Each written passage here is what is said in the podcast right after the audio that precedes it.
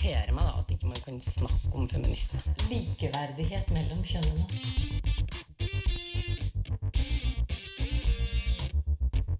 Det blikket på kvinnen på film. handlet det om å bli tatt på alvor som jente. Du hører på Et eget rom på Radio Nova. I år, som i fjor, så er selvfølgelig Et eget rom til stede på den feministiske festivalen Femfest, arrangert av Venstrealliansen.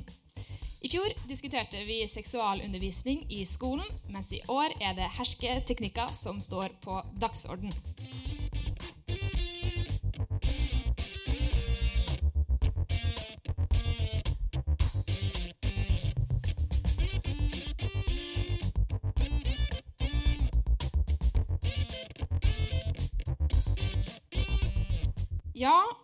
Lørdag alle sammen.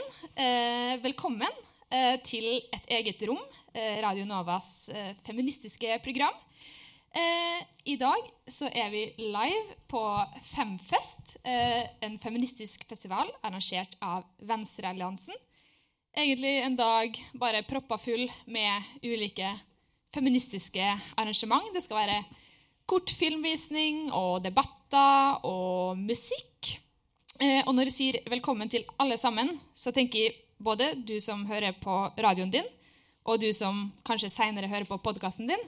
Eh, men spesielt til dere i publikum. Eh, kanskje dere kan bare vise at dere er her?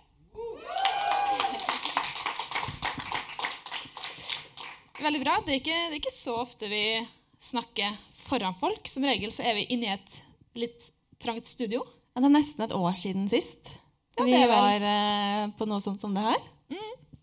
Så det, det er jo litt stas for oss å, å se dem vi snakker til. Eh, og i dag så skal vi prøve å bli litt klokere kan man si, på det her med hersketeknikker.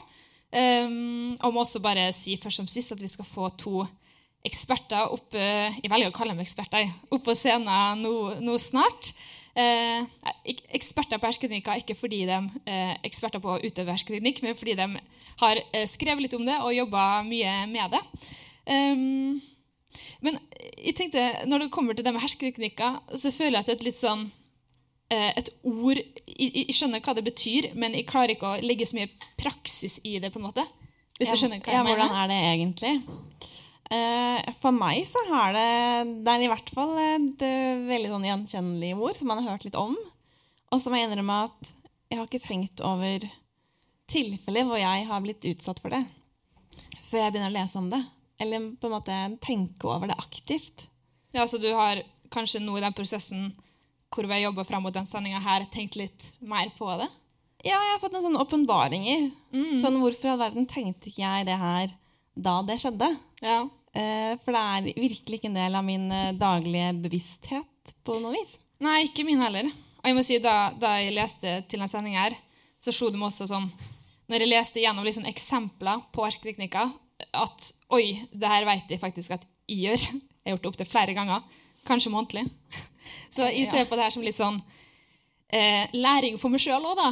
Eh, for som vi kanskje skal se, så er det kanskje noe alle bruker i større eller mindre grad. Litt sånn tosidig læring. Ja, Ja. det er en fin måte, å, fin måte å se det på. Um, men jeg tror vi bare skal få våre to eksperter opp på scenen. Uh, vi skal bare høre en eh, god, gammel eh, feministisk slager først. Her får dere uh, sangen 'Synonymordboka' av 70-tallsbandet Amtmanns døtre. Hvis du ikke vet hva en kvinne er, bare slå opp i synonymord. Arbeidermann skal av sverdets side, ekte mange mal og maler. Ja, god lørdag, alle sammen. Dere hører på Et eget rom, Radio Nova sitt feministiske program. Og det er altså med Synnøve Berg Meisingseth, og Linda Therese Rosenberg som sitter her. Eh, vi skal prøve å gå litt i dybden på hersketeknikker. Eh, se litt på hvem utøver det, og når. Hvem utsettes, og hvordan kan man avdekke det, og hvordan kan man møte det. Og hva Eh, er det? Ja, og hva, hva er det egentlig? Ja. Og så har vi også fått to gjester opp på scenen. Vi har Hilde Sandvik, som er journalist. Og så har vi Victoria Øverby Steinland, som jobber på Likestillingssenteret. Eh, kanskje bare istedenfor at jeg snakker for dere, kan dere si litt om hvordan dere har jobba med hersketeknikker? Jeg, eh, Hilde Sandvik, som snakker nå, har eh, rett og slett eh, skrevet en bok om hersketeknikker som kom ut eh, 2007. Så den har jo vært ute ganske lenge. Jeg ble spurt av et forlag faktisk om å se hva har skjedd med hersketeknikker siden 70-tallet. Og jeg tenkte da den gangen at ja, men det er det jo veldig mange som har sett på. Og så var det ikke det. Eh, Så når vi kom med den boken i 2007, så var det på en måte den første boka som, som omhandla det temaet. da, eh, Om alt som har skjedd og med bruk av hersketeknikker eh, på alle de år. Eh, ja, eh, tusen takk for at jeg får komme hit. Eh, Victoria fra Likestillingssenteret på Hamar. Eh, vi jobber med likestilling og har et bredt likestillingsbegrep. Eh, og jobber med mange ulike eh, prosjekter. Så en av de tingene vi jobber med, er hersketeknikker. Som da henger litt sammen med den arven fra Berit Aas. som var grunnlegger av det som i sin tid het Kvinneuniversitetet, og som i dag er Likestillingssenteret. Så jeg har jobbet med hersketeknikker ved at jeg har utvikla noen workshops og holdt de workshopsene. Eh, og da fått mulighet til å snakke med andre om hersketeknikker. og Gå litt i dybden på hva det er, og hvordan det utøves, og ikke minst hvordan man kan forsøke å motstå hersketeknikker. Hvem er det du holder seg workshopene for? F.eks. For, for fagforbund, eh, men også for eh, bedrifter. Eh, det er et tilbud vi har, så vi, vi kommer til alle som har lyst til å få besøk av oss. Og det gjør vel du også, Ja, Hilde? gjør, ja og jeg har- òg hatt veldig mange foredrag og workshops eh, etter at boka kom. nå, Og det har jo blitt en enda større fokus på hersketeknikker etter metoo. Jeg har merka det faktisk veldig godt. At en har begynt å snakke mye mer igjen om makt og skeivt maktforhold. sant? Eh, som har gjort at jeg har også fått flere altså mer, mer på, pågang rett og slett de siste, siste året. Jeg tenkte kanskje vi kunne holde, uh, diskutere litt det her med historien og Berit Aas. Jeg vet du kan litt om det. Hvor, hvorfor er hun Hvem er hun? Ja, eh, ja, det vet jeg jo. Du også egentlig kan veldig godt til det, men jeg kan jo begynne.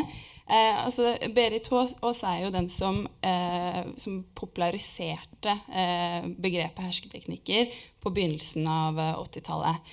Eh, Berit Aas eh, er jo hun er 90 år nå. Eh, hun er, har vært en aktiv eh, politiker, stortingspolitiker, eh, utdanna sosialpsykolog. Eh, så eh, det som på en måte var, eh, var oppe eh, altså det, som, det som førte til at hun etter hvert skrev en bok om hersketeknikker, var at hun på 70-tallet jobba i et mannsdominert miljø, hvor hun opplevde å til stadighet ikke bli hørt. Hun opplevde å bli avbrutt, hun opplevde at hun ikke fikk delta i beslutningsprosesser, eh, og følte seg rett og slett kanskje litt dum. Eh, og så begynte hun da å studere hva kollegaene hennes, hennes mannlige kollegaer gjorde. Eh, og etter hvert så begynte hun også å kopiere hva de gjorde mot henne. Så eksempelvis under møter så kunne hun da, når en mannlig kollega begynte å prate, så kunne hun bevisst gå og hente seg kaffe.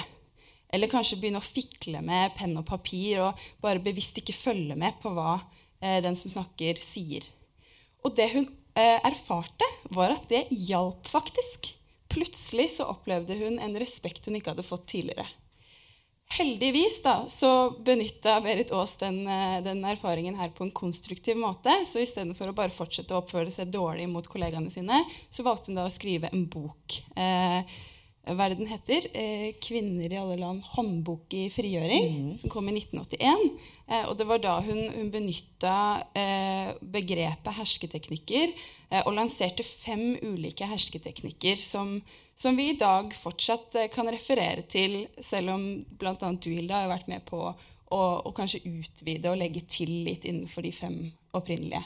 Ja, og det, det som Berit Aas eh, er veldig klar og tydelig i, og som jeg er iallfall veldig uenig med henne i, er at det er, hun mener at det, bare, det er bare menn som kan bruke hersketeknikker mot kvinner, og at kvinner ikke bruker hersketeknikker. En kaller, kaller det da, som f.eks. hun sjøl gjorde når hun satt i kommunestyret i Ås og, og fikler med pennen og henter kaffe og, og den slags, så kaller hun det for motmakt.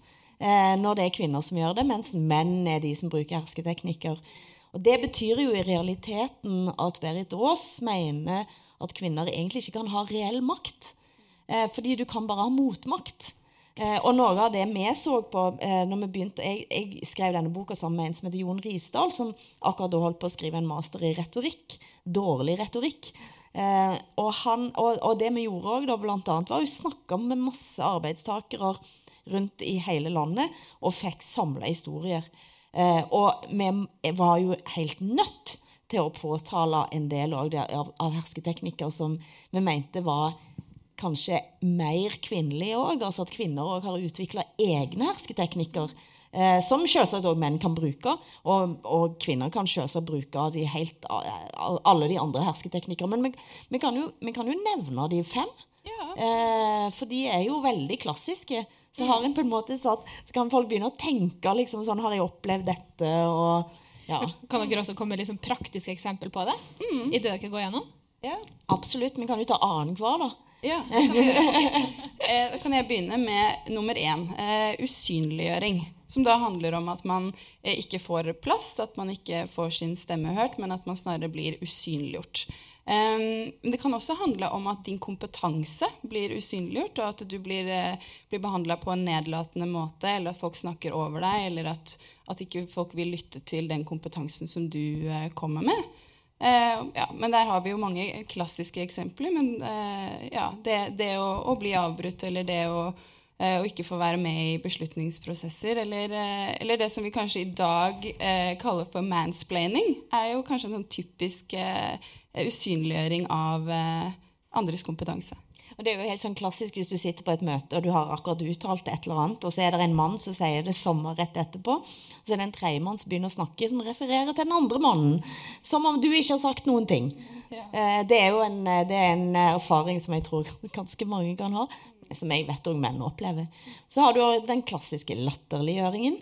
Eh, Og det trenger jo egentlig ikke så mye eh, forklaring, egentlig. Altså det å, å latterliggjøre noen på bakgrunn av posisjon, eller hvem du er, eller du vippes av pinnen, da, rett og slett, med at det blir slått en dårlig spøk om Men den. akkurat på latterliggjøring handler det også litt om dette med å, å få litt sånn karakteristikker om seg selv.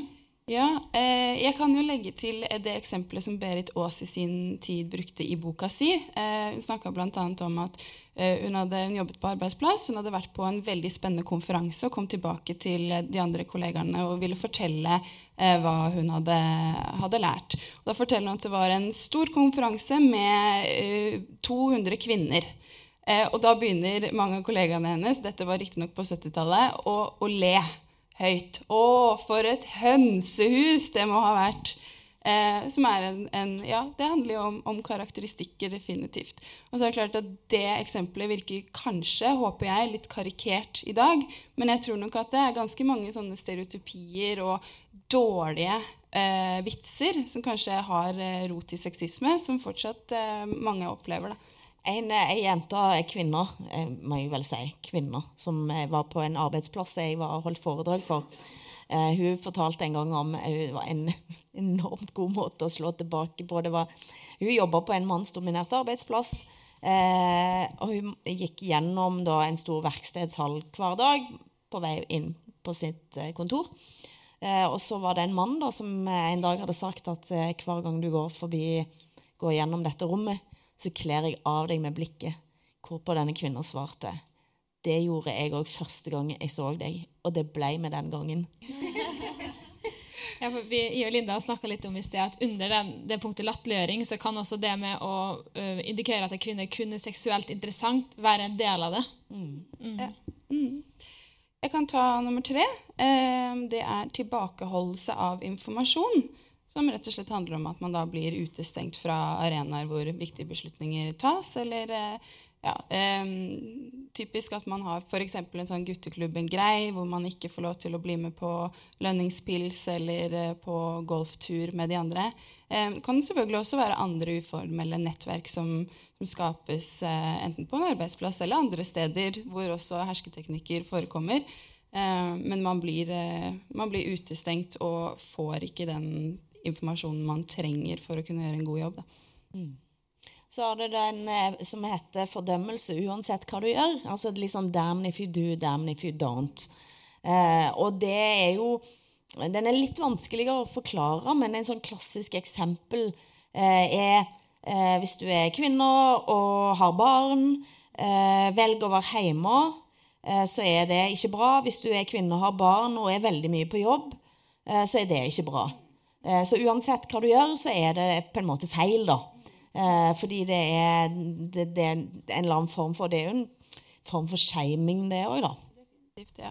Jeg har også tenkt på at den kanskje kan referere litt til det her med å vise følelser også. At kanskje eh, hvis du viser mye følelser, hvis du er sint f.eks., da blir du fort hysterisk. Da må du roe deg ned. Eh, hvis du ikke viser nok følelser, da er du ikke engasjert nok kanskje heller. Eh, og Det er klart at det tror jeg er noe alle kjønn kan kjenne, eh, på, men så er det også en god del eh, kjønna stereotypier knytta til hvem som viser hva slags følelser, og hvilke følelser som er greit å vise her og der. Ja, altså Hvis du er en kvinne da, som ikke nødvendigvis er sånn som lett eh, gråter, eller hva som helst, så blir du kalt for isdronningen, f.eks. Det, eller ukvinnelig. Og så blir du lett hysterisk i den andre enden. da. Mm. Eller, eh, eller den typiske eh, ja, sjef versus sjefete. At du, du kan på en måte aldri vinne eh, fordi du møter disse kjønnede eh, kategoriene. Er en til. Ja. Eh, den siste det er påføring av skyld og skam. eh, som eh, handler om eh, når du på en måte blir shamet, da. Eh, du, du får ikke legitim kritikk, men du blir i stedet liksom ydmyket. Eh, Berit Aas sitt eksempel var eh, da hun hadde forsøkt å ta tak i det hun opplevde at var liksom dårlig møtekultur, hvor hun ikke slapp til, så hadde hun etter eh, en anledning foreslått for eh, sine medarbeidere eller for kollegaene sine eh, kanskje vi skulle hatt et litt annet type møte en dag. Jeg kan f.eks. bake en kake, og så kan vi gjøre det litt sånn uformelt. Og da får hun til svar dette her er ikke en barnehage. Hvis du ikke klarer å delta aktivt i møtene, så må du ta deg sammen. Vi andre kan ikke ta ansvar for at ikke du kommer til ordet. Um, ikke sant? Her, er det ikke, her er det ikke kritikk, her er det bare ydmykelse, skyld uh, og skam. Og, og skylden blir da plassert på henne. Man har kanskje sett spesielt det her også nå eh, rundt metoo og sånn òg, kanskje? Og rundt seksuell trakassering og Ja, jo, altså den, den, eh, den debatten rundt metoo har vært veldig interessant. Og den har òg vært veldig interessant fordi at eh, da eh, I det arbeidet jeg har holdt på med i hersketeknikker, så eh, er det ett vesentlig punkt, og det er derfor at det er interessant å holde kurs og snakke om det. Fordi i veldig stor grad så handler det om å eh, få et slags middel til å rasjonalisere et ubehag.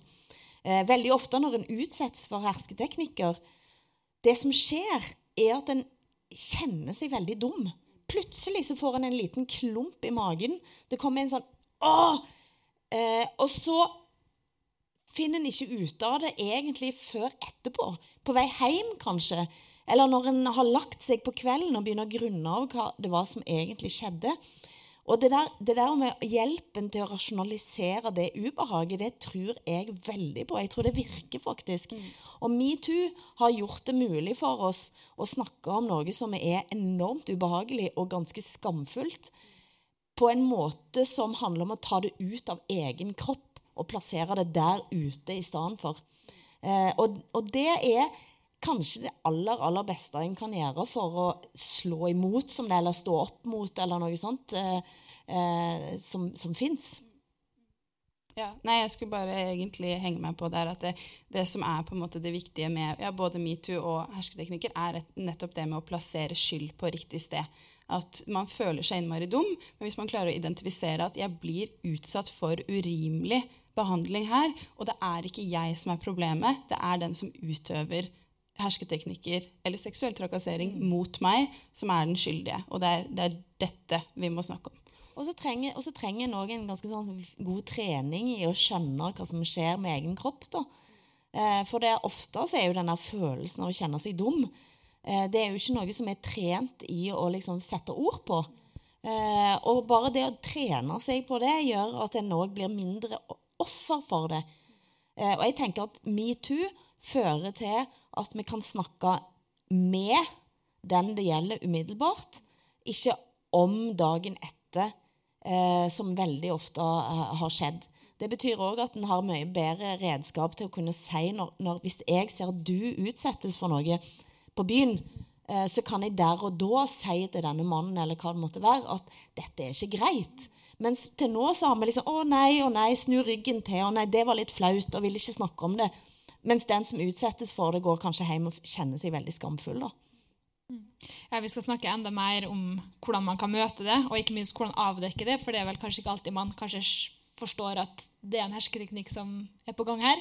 Eh, vi skal bare høre litt musikk. Et eh, veldig kult band som dere burde sjekke ut hvis dere ikke har gjort det. Mallgirl med Slay Queen.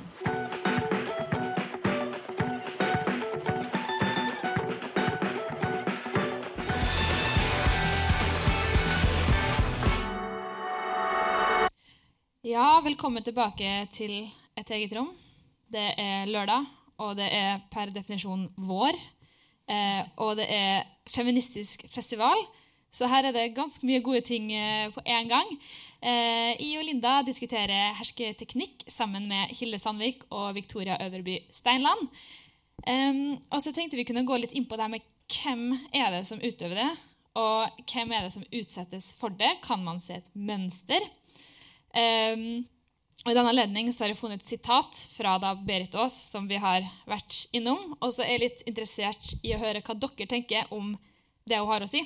Så da leser jeg. Sitat. Det skrives mye rart om hersketeknikker.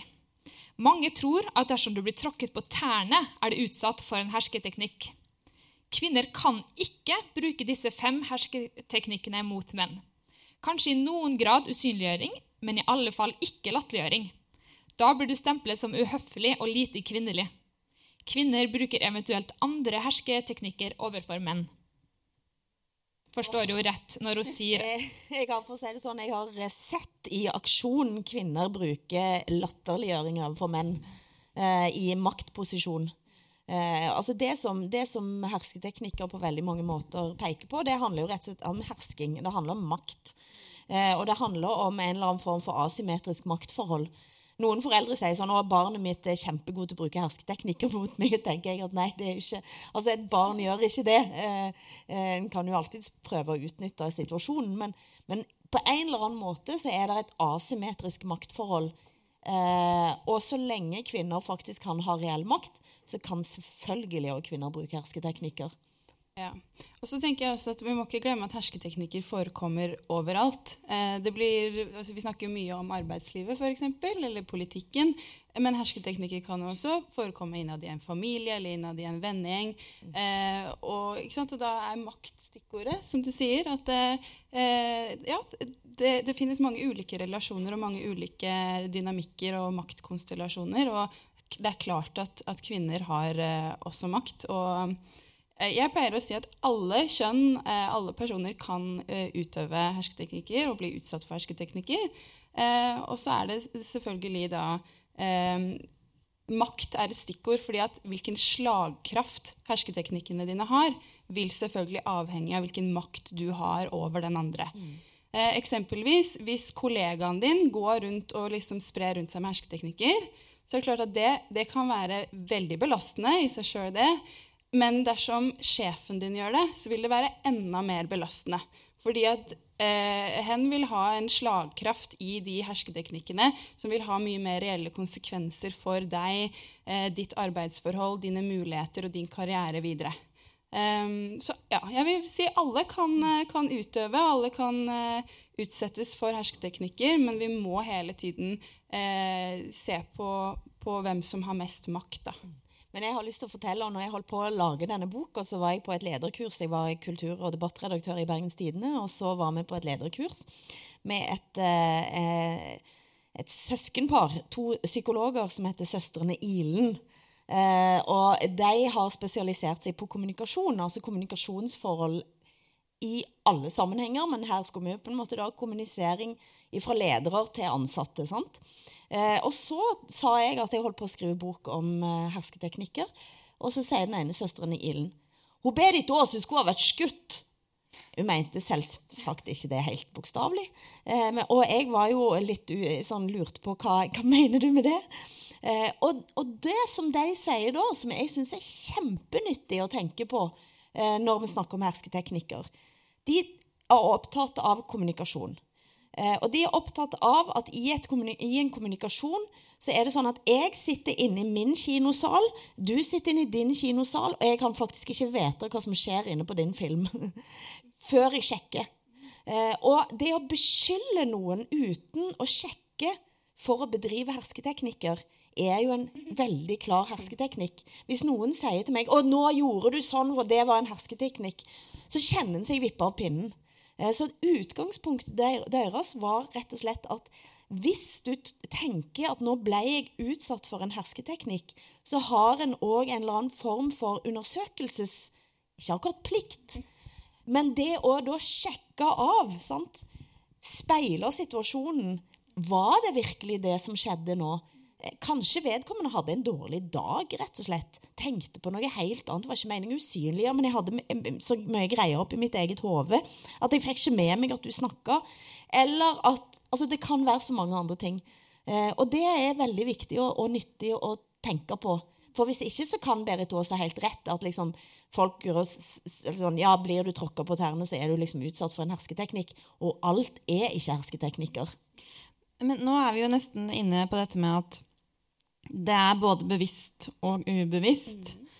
Og selv det ubevisste kommer jo fra et sted. Dere som holder eh, kurs og workshops, snakker det noe om hvor har vi lært disse tingene? Altså hvor, eh, For vi gjør det jo ubevisst eh, stadig vekk. Ehm, jeg pleier ikke å snakke så veldig mye sånn eksplisitt om det, men det er klart at eh, jeg pleier å snakke om hvordan eh? Makt er stikkordet. Ehm, og jeg tenker at en ting er eh, makt innad på en arbeidsplass, men så er det også liksom makt og, og, og maktforhold på samfunnsnivå, som også er veldig nyttig å snakke om. Ehm, jeg tenker at eh, det vil Tilbake til dette her med slagkraft. Da, at eh, majoritetspersoner, eller personer med mer makt, vil jo ha mer slagkraft i sine hersketeknikker når de utøves mot minoritetspersoner eller folk som har mindre makt.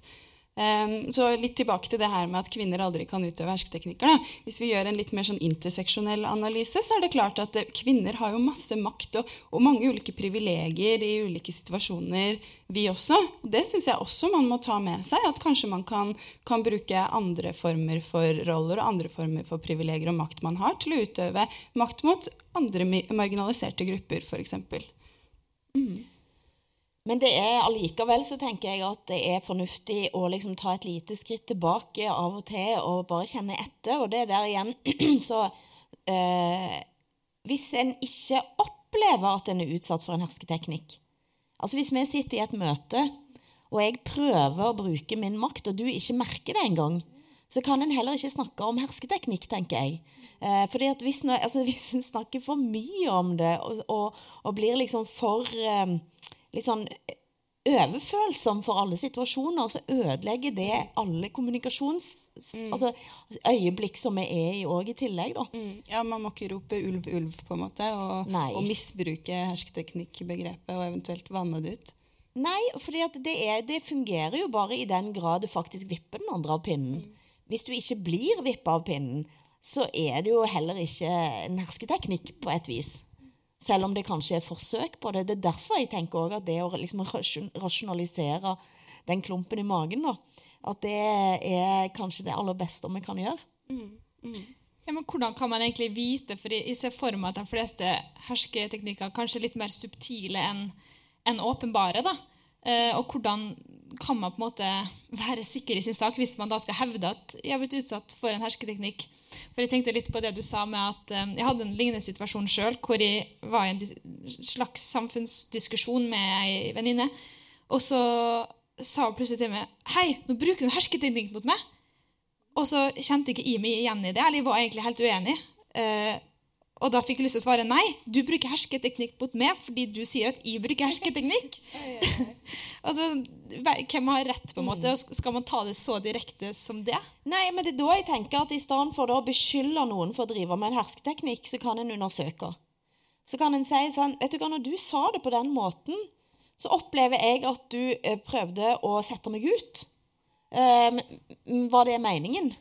Eh, eller, eller rett og slett speile situasjonen med å på et vis Men både fortelle hvordan en opplever det, eh, men i, og i veldig stor grad så tenker jeg at av og til så er det de der bitte små tingene som gjelder. F.eks. hvis altså hvis en utsettes for en latterliggjøring. Noen sier noe til deg som bare virkelig er helt sånn sant? Du blir satt ut fordi det er en latterliggjøring.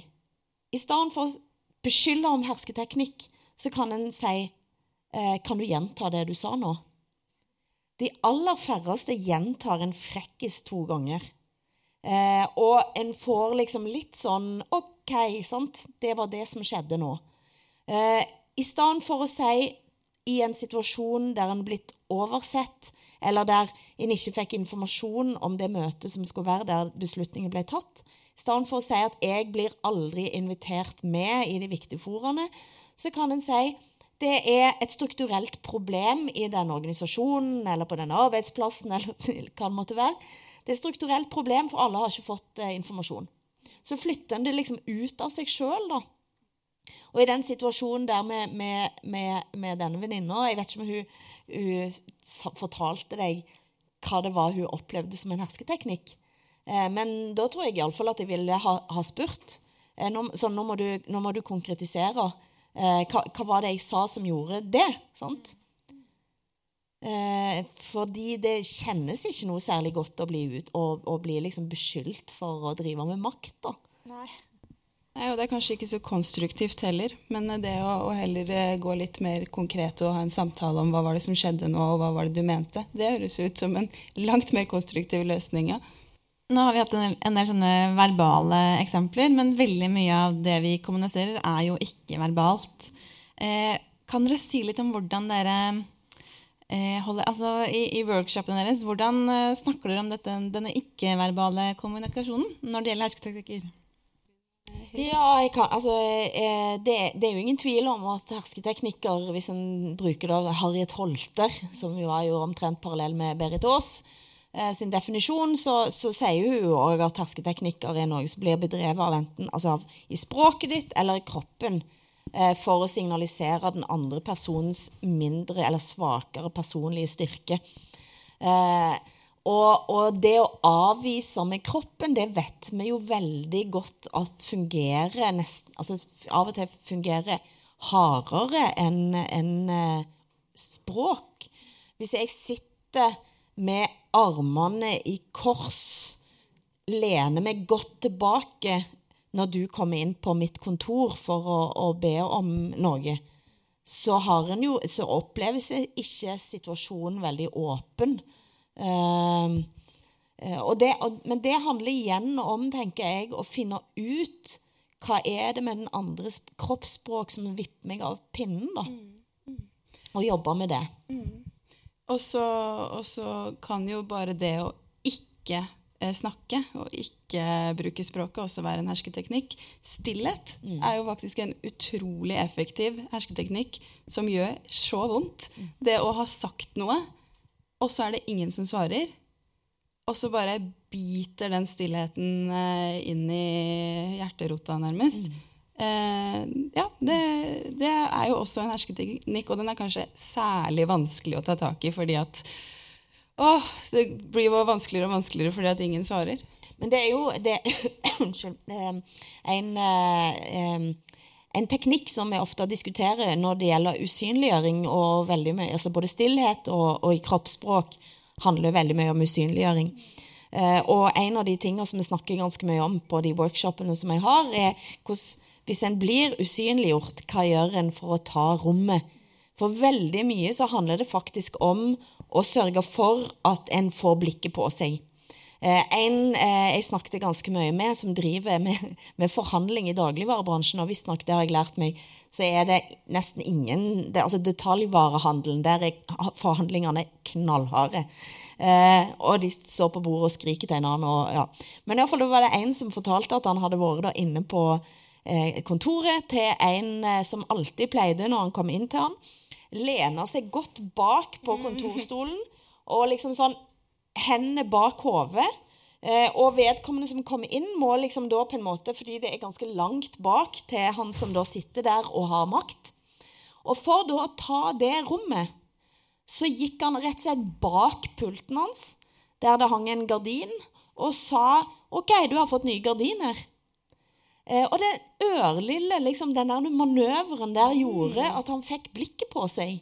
Fordi at denne, han, den, han måtte ut av den der posisjonen der han satt med hendene bak hodet og signaliserte at 'jeg bryr meg ikke om at du kommer inn til meg nå'. Og alle sånne grep for liksom å ta rommet, da, eh, og vente til det blir stille før en eh, begynner å snakke, f.eks. Eh, det å sørge for altså En gang jeg har faktisk vært med på holdt et foredrag en gang eh, eh, i, i der jeg jobba, eh, um, om sosiale medier. Og så sitter det en på bakerste benk. Han var mot sosiale medier, og det kan en godt diskutere. Men jeg skulle, altså bruke, jeg skulle holde et foredrag om hvordan en kunne bruke sosiale medier i journalistikken, og han var mot at det fantes. Og satt bakerst og stilte bare masse sånne spørsmål som gjorde at jeg ble vippa av pinnen hele veien, fordi at jeg måtte hele veien tilbake og forsvare noe som var helt på sida. Og på et tidspunkt så tenkte jeg at jeg klarer ikke å gjøre en god jobb eh, med han sittende der oppe. Så jeg sa for etternavn gå ut. Eh, nå kan du gå ut av rommet. Eh, og det, det var liksom det var selvsagt, Jeg har, hadde og har fremdeles faktisk et godt forhold til han. Men, men det er liksom den eneste måten å få det rommet Han prøvde å ta det rommet. Jeg kunne ikke fortsette med han sittende der. Eh, og det, hadde, det vet jeg at det hadde jeg aldri kommet til å gjort hvis ikke jeg hadde drevet og jobba med hersketeknikker fryktelig lenge. Ja, jeg synes det, det er veldig spennende. og Jeg må si lære, lære mye. Eh, men jeg har lyst til at vi skal snakke litt grann mer om det her med kjønn. Eh, og I denne anledning skal vi høre et radiohørespill. Eh, fordi For noen år siden så hadde vi i et eget rom en sending om begrepet mansplaining. Og Da var det to redaksjonsmedlemmer som laga et hørespill for å da forklare hva mansplaining går ut på. Så da spiller vi av det nå. Du, Anne Marie. Ja? Eh, er det ikke litt rart at det heter mansplaining? Hvordan det? Nei, fordi jeg, jeg tror jeg ble mansplaina av ei dame en gang. Å ja, ja, selvfølgelig. Men herregud, det er ikke så lett, den der mansplaining-greia. Nei, det er jo ikke det. Åh, nei, jeg vet ikke om jeg forstår hva det er engang, jeg, altså. Eh, Men jeg leste en artikkel en gang med noen eksempler et sted. Eh, hør nå. Det første eksempelet var vel en mann og en dame som var på date, tror jeg. Og så satt de i bilen, og så Ja, men nå må ikke du bekymre deg. Det er mange som har tatt den utdannelsen, og som har dritkule jobber. Ja, jo, det er jo sant, det. Jeg er ikke så bekymra, egentlig, altså. Hva skjer? Du, jeg er sykt kald, ass. Går det fint om jeg skrur opp varmen litt, eller? Ja, selvfølgelig. Den er der. Hvis du skrur mot blå, så blir jeg kaldere. Og hvis du skrur mot rød, så blir jeg varmere. OK, nå mansplaina du meg sånn sykt, liksom. Oh shit. Gjorde jeg? Ja. Sorry. Skal jeg vise deg hvordan du åpner bildøra òg, eller? ja, kanskje det, ja.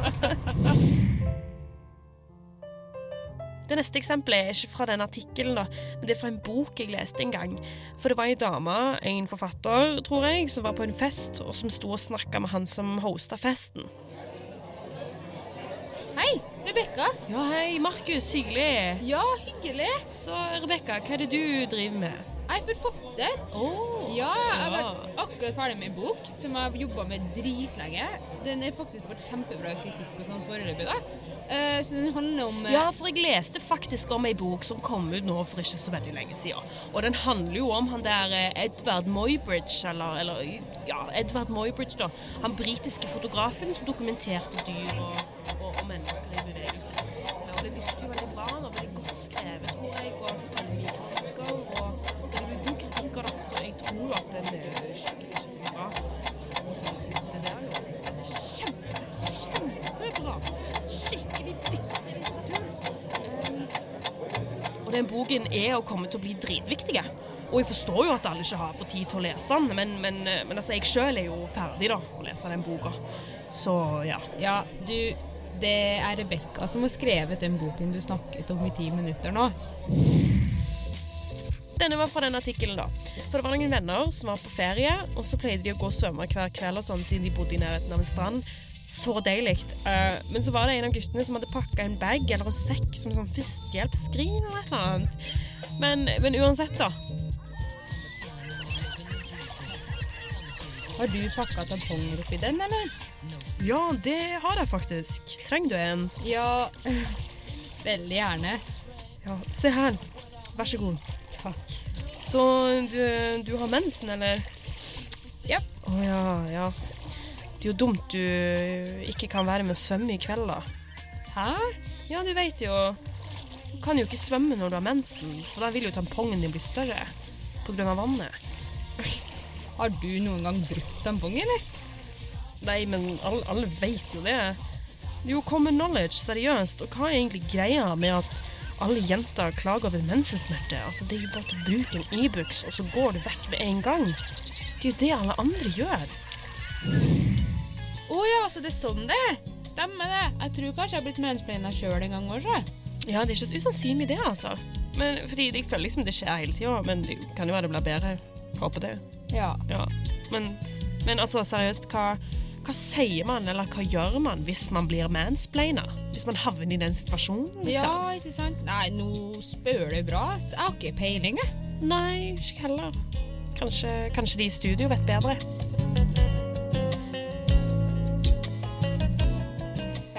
Kanskje vi i studio vet bedre.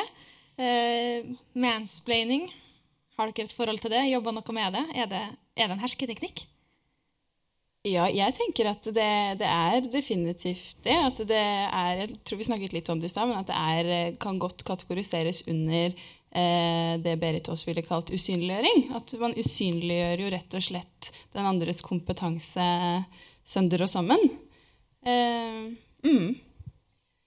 Altså, jeg tenker jo, Av og til så syns jo jeg at mansplaining er litt stilig, da, for det er et eller annet med um, Jeg liker jo nerder, da. Eh, og, og liker jo at folk liksom begynner å, å, å snakke mye om det de kan. Eh, og der tenker jo jeg av og til at vi kvinner har litt å lære.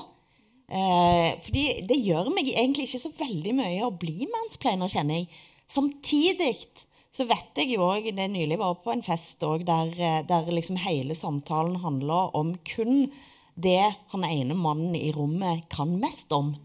Eh, og alle andre samtaler ble på et vis avvist. Og når en begynte å snakke om ting som ikke var innenfor det hans domene var, så bare reiste han seg og gikk ut på kjøkkenet og begynte å fikle med ting til vi var ferdige å snakke om det som ikke han var den som kunne lede ordet.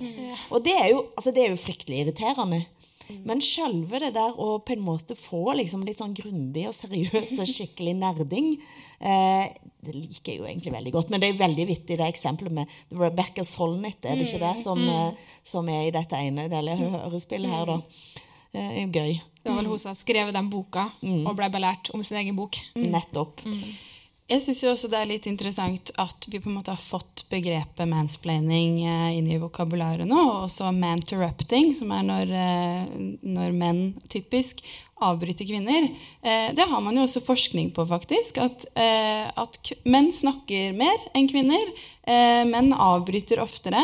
Eh, og forskning viser at menn avbryter kvinner tre ganger så ofte som de avbryter andre menn. Og det er klart at Her må vi også snakke om makt og strukturer og, og hvilke kjønnede stereotypier vi, vi bærer med oss, og hvordan de fungerer. da. Men jeg syns det er liksom, eh, spennende med de her nye begrepene. Det er klart De kan helt sikkert misbrukes, og de er ikke entydige. Det er klart at, at eh, kvinner kan godt overforklare ting til andre, vi også. Eh, men det er så nyttig bare å få liksom, et språk for det. Og det er jo egentlig akkurat det hersketeknikk er.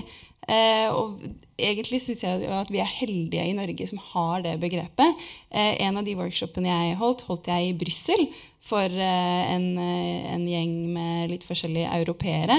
Eh, og det å da liksom introdusere begrepet hersketeknikker og navngi det fenomenet, det er jo egentlig en liten sånn revolusjon i seg selv. fordi da gjør man folk i stand til å kunne identifisere eh, ja, urimelig behandling, eh, og da liksom adressere det og jobbe mot det. Mm. Og det er jo egentlig det disse her nye manterrupting og mansplaining og andre uttrykk også er. Da. Så det er på en måte et mer sånn eh, hersketeknikk i, i engelsk språk. Jeg syns det du sa var litt uh, interessant til det, det med at kanskje kvinner kan lære av menn sin mansplaining. For lurer på når, når, det viser seg at okay, menn avbryter mer og tar ordet i mye større grad, uh, er det da menn som må jekke seg ned, eller er det kvinner som må opp på deres nivå?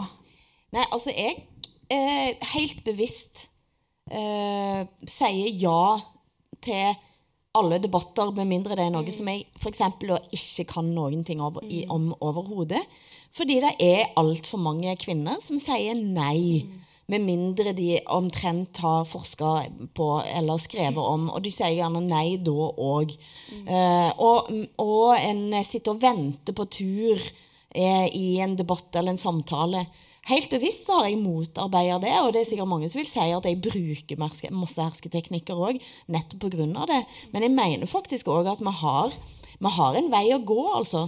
Mm. det ble jo en svær Jeg vet ikke om dere så det på Facebook, så var det en sånn debatt etter debatten. Mm. Metadebatt-debatten. Ja. Eh, om eh, etter nå denne Giske-saken og Fredrik Solvang skrev mm. først på, på, Facebook, så skrev han at sånn Ja, det liksom disse Omtrent kalte de feige, da. Ja, skrev, de er feige, ja, de feige Ap-kvinner eh, som ikke vil eh, vil sitte i den debatten. Og så måtte han bite det litt i seg. Men jeg forstår frustrasjonen. Jeg har vært debattredaktør. Eh, jeg, har, jeg leder masse debatter og arrangerer debatter sjøl òg. Og vet at det tar alltid dobbelt så lang tid å få inn kvinner til å være med. Mm. Ja, eh, da blir det jo nesten litt debatt. Det er jo litt spennende. Jeg tenker jo ja takk, begge deler. At eh, menn må eh, jekke seg ned, og kvinner må eh, tørre å ta mer plass. Eh, men eh, apropos det her med at Fredrik Solvang kalte Ap-kvinnene for feige altså, Vi må også passe oss litt for å på en måte legge alt ansvar og all skyld over på kvinner. fordi det er klart at vi har jo strukturelle eh, barrierer som gjør at det ofte kanskje koster mer for kvinner å ytre seg enn det de gjør for menn. Har, altså, vi vet jo det fra forskning at kvinner mottar mer hets. Eh, og, eller faktisk ikke mer hets, man, eh, menn mottar også hets, men formen på den hetsen som kvinner mottar, er en helt annen. Og også andre minoritetsgrupper. At når du får hets som er seksualisert, som går på, på ditt kjønn, som på en måte eh, tar deg der du er svakest, så er det klart at da blir det vanskeligere å skulle stå i debatter og være eh, offentlig. Så det må man jo Jeg tenker at vi må, vi må snakke om begge deler. Vi må oppfordre kvinner, og all honnør til deg for eh, at du stiller opp, for det, det bør vi alle gjøre. Men vi må også ha en, en, eh, en bevisstgjøring i samfunnet for øvrig for å liksom ta tak i alle de barrierene som tross alt gjør det vanskeligere for mange kvinner å stille opp. Ja, det, altså jeg leda en samtale med, eh, på Sentrum Scene i forbindelse med at Ronan Farrow var i eh, Oslo. Eh, og det var da en samtale om metoo i Norge eh, ett år etter. Eh, med Kristin Skogen Lund, som da var tidligere, tidligere NHO-direktør og nå jobber i, tilbake i Skipsted. og hun sa at hun tror at hun har tålt for masse. Uh, hun har sett gjennom fingrene med for mange ting uh, som handler om både seksualisering og andre greier. Som hun har på en måte latt prelle av seg uh, og fått en tykk hud. men hun sier at det hun innser nå, er at det kanskje har vært med på å trekke litt stigen opp. For det at hvis en ikke tåler akkurat det samme som Kristin Skogen Lund, eh, og jeg syns det er vanskeligere, så har kanskje hun òg vært med på å legitimere en måte å vare på og oppføre seg på som en ikke på noen måte skulle ha legitimert. Men det tror jo jeg nå at vi får mye bedre sånn redskap til å snakke om. da. Eh, som gjør at er hun og med, altså andre kvinner eller sånne som meg, da, som har vært lenge, lenge i gamet, i mye større grad òg kan se eh, hva andre kvinner og yngre kvinner utsettes for. Eh, og vise at jeg er der og støtter deg.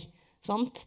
Eh, og være den støtten bak. For det, av og til så er det kanskje det en trenger. da.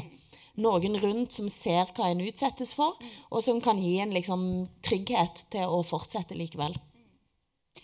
Hvis vi kan bare ta den helt, helt kort eh, mot slutten. For nå, mye av det vi snakker om når det gjelder herskesettinger, er jo litt sånn ansikt-til-ansiktskommunikasjon. Men i den eh, digitale verdenen vi lever i, burde vi kanskje snakke litt mer om hersketeknikker mer på sånn, i type kommentarfelt og nettdebatter. Hvor du skriver noe, og så kommer f.eks. masse hets. Eh, burde man kanskje bli flinkere nå å liksom utvide hersketeknikker-teorien videre? Tenker dere noe om det? Mm. Ja, det var veldig spennende innspill. Jeg har egentlig ikke tenkt noe på det, så vi får bare dra noe over hatten.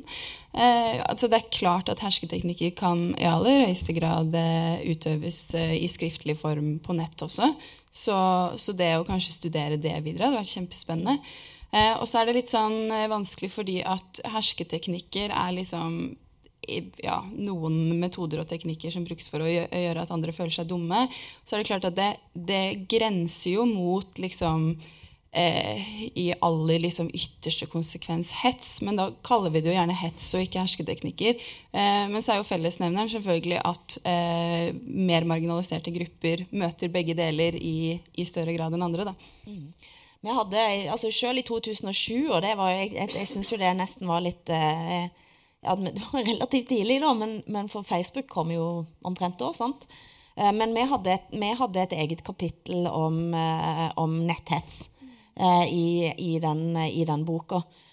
Og fordi at det som, òg det som kjennetegner den digitale altså nettrolldebatten og alt det, er jo nettopp at vi slipper å se den andres ansikt. Vi slipper å forholde oss til den andres ansikt. Og hvis det er anonymt i tillegg, så er det enda på en måte verre. Eh, jeg tror jo at netikette og, og liksom hvordan vi oppfører oss i digitale medier Jeg tror jo at de, altså jo at de eldste er de verste. Eh, og, og eh, yngre generasjoner som kommer opp, som er liksom digital natives, mm. og har hatt det med seg siden de liksom var født, så har en mye bedre kontroll på det. Mm. Mm. Jeg tror det får stå som siste ord for denne uh, samtalen her. Det har vært uh, utrolig eh, spennende. Takk for at dere kom, Hilde Sandvik og Victoria Øverby Steinland. Og takk til deg, Linda Therese Rosenberg. Og takk til tekniker Helje Svensson. Hvis dere syns det her var spennende å se et eget rom live, så kan jeg gi dere gleden av å fortelle at vi skal ha flere livesamtaler til uka både 7. mars, da skal vi ha sånn dagen for dagen-feiring eh, her på Chateau Neuf. Da blir det ulike panelsamtaler og musikk og mye morsomt. Um, og på selveste 8. mars så skal vi ha en radiosending på uh, Humsam-biblioteket på UiO uh, om trafficking og trafficking-ofre. Så det er bare å følge med. Um, og med det så tror jeg vi sier takk for oss og sjekk ut program videre på Femfest. Og her får dere et band som skal spille i kveld, Pikekyss, med Vi burde danse.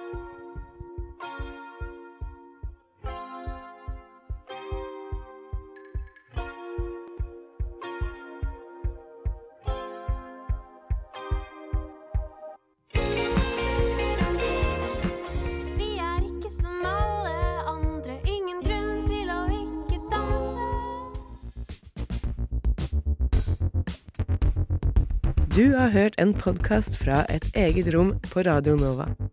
Vil du høre mer? Sjekk ut Et eget rom på Facebook, Instagram eller radionova.no.